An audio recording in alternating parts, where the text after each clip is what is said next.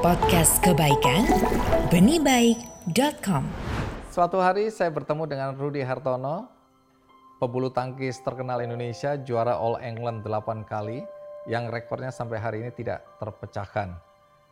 Nah dalam pertemuan itu saya menyapa Rudi Hartono.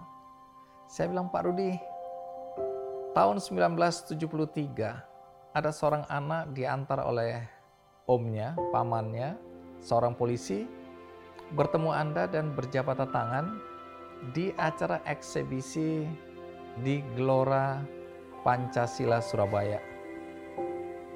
Dia terkaget-kaget. Wah, Pak Andi, saya nggak ingat itu peristiwa. Oh, tentu saja tidak. Tapi buat anak itu, peristiwa yang terjadi tahun 1973 itu peristiwa penting dalam hidupnya. Dan orang itu adalah saya, Pak Rudi. Hah? Waduh, maaf Pak Andi, saya tidak ingat, nggak apa-apa.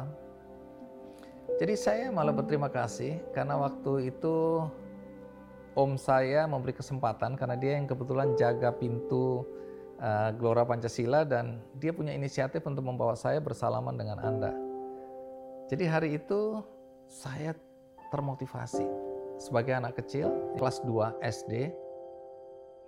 Saya anak jalanan waktu itu lebih banyak hidup di jalanan dan om saya panggil untuk kenalan sama Anda dan itu membuat satu momentum dalam hidup saya bahwa saya ingin seperti Anda, ingin jadi champion, ingin jadi juara. Cuma saya tidak tahu caranya bagaimana, tapi impian menjadi Anda itu kuat sekali. Nah, bagi saya ini penting dalam perjalanan hidup ketika bertemu dengan Anda. Tapi Pak Rudi, boleh tahu nggak?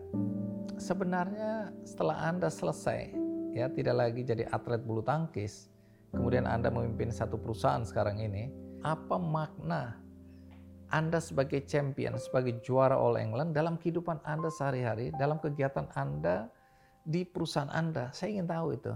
Wah, menarik Pak Andi ini pertanyaan. Tapi saya punya jawabannya. Uh, terus saya bilang, wah saya ingin dengar. Oke, kalau gitu kita duduk, katanya gitu kan. Ini pertemuan di lobi sebuah hotel di Jakarta. Nah, kami duduklah. Kemudian dibilang, Pak Andi, ada dua hal yang saya terapkan sampai hari ini dan saya merasa bahwa ini adalah sesuatu yang sering juga terjadi dalam kehidupan orang lain Pak Andi. Lalu saya bertanya, apa itu Pak Rudi? Dia bilang begini Pak Andi, waktu saya jadi pemain bulu tangkis, jadi atlet bulu tangkis, saya itu setiap kali berhadapan dengan lawan, saya selalu mikirin apa yang akan lawan lakukan terhadap saya. Atau apa yang akan dia lakukan uh, untuk mengembalikan bola-bola saya. Saya mikir terus itu. Sampai kemudian saya ketemu Tan Yu Hok. Ini juga seorang atlet bulu tangkis yang lebih senior dari uh, Rudi Hartono.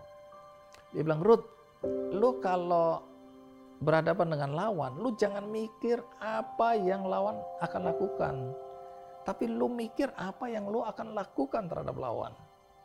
Sampai di sini, saya nggak ngerti apa apa arti atau apa makna cerita Rudi Hartono ini.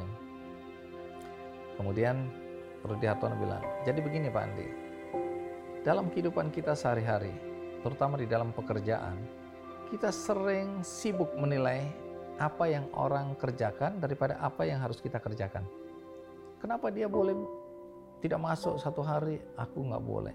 Kenapa dia boleh hanya menerima tugas seringan itu, aku harus seberat ini Kenapa dia gajinya lebih tinggi dari aku? Kenapa aku gajinya kalah dari dia? Dan seterusnya dan seterusnya.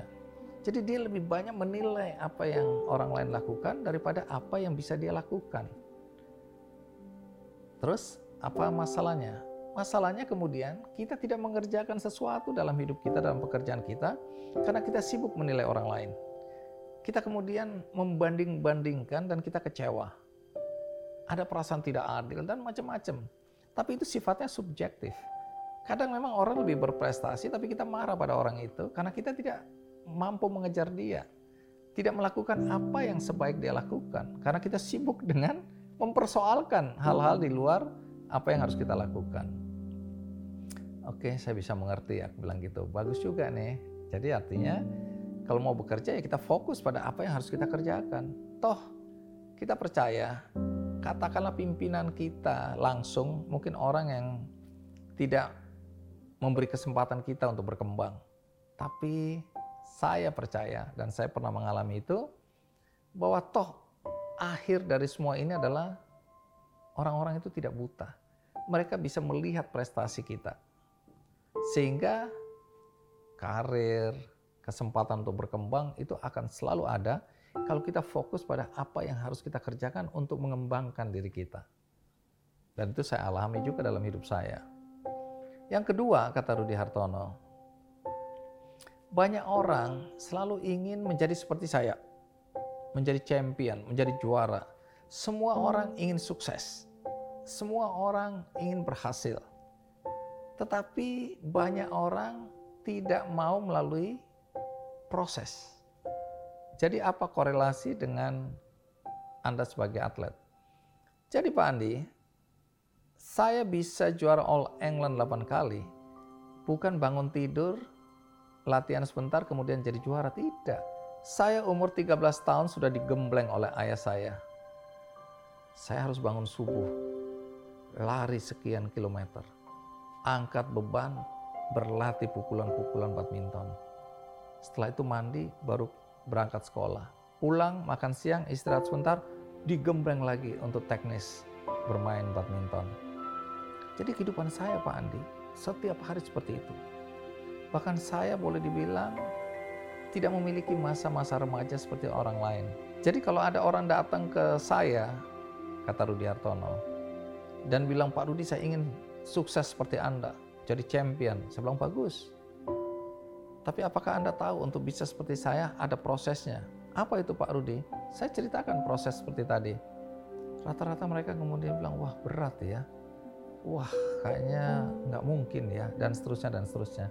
Jadi banyak orang ingin sukses secara instan. Mereka tidak mau melalui proses. Jadi semua sukses tidak semata-mata datang begitu saja jatuh dari langit. Ini yang sering diabaikan atau lalai diperhatikan oleh orang-orang. Mereka kecewa kenapa mereka tidak bisa berhasil. Mereka menyalahkan orang-orang, menyalahkan lingkungan, menyalahkan sekitar, menyalahkan orang tua, bahkan terakhir menyalahkan Tuhan atas kegagalan dalam hidup mereka. Karena orang-orang ini adalah orang-orang yang ingin sukses secara instan, tidak mau melalui proses. Nah, Rudi Hartono mengajarkan saya tentang proses. Kalau mau sukses, ya harus ada prosesnya. Dan prosesnya ini sering tidak mudah. Mudah-mudahan hari ini kita belajar bahwa sukses itu harus melalui proses. Namun jangan khawatir, dengan adanya teknologi yang berkembang saat ini, ya, era digital, proses yang tadinya mungkin membutuhkan waktu yang lebih lama ketika teknologi belum ditemukan, era digital belum ada, internet belum dikenal karena kita harus belajar dari lembaga-lembaga formal. Kalau sekarang kita bisa belajar apa saja dari luar dengan cepat karena internet aksesnya udah begitu dahsyatnya hari ini. Nah, ini mempercepat proses jadi kalau dulu belum era internet, belum ada digital, itu era mungkin untuk sukses membutuhkan 20 tahun. Tapi dengan era digital ini kita lihat anak-anak muda yang hebat-hebat bisa mempersempit jarak proses tadi sehingga sukses itu bisa dipercepat. Tapi harus tetap melalui proses.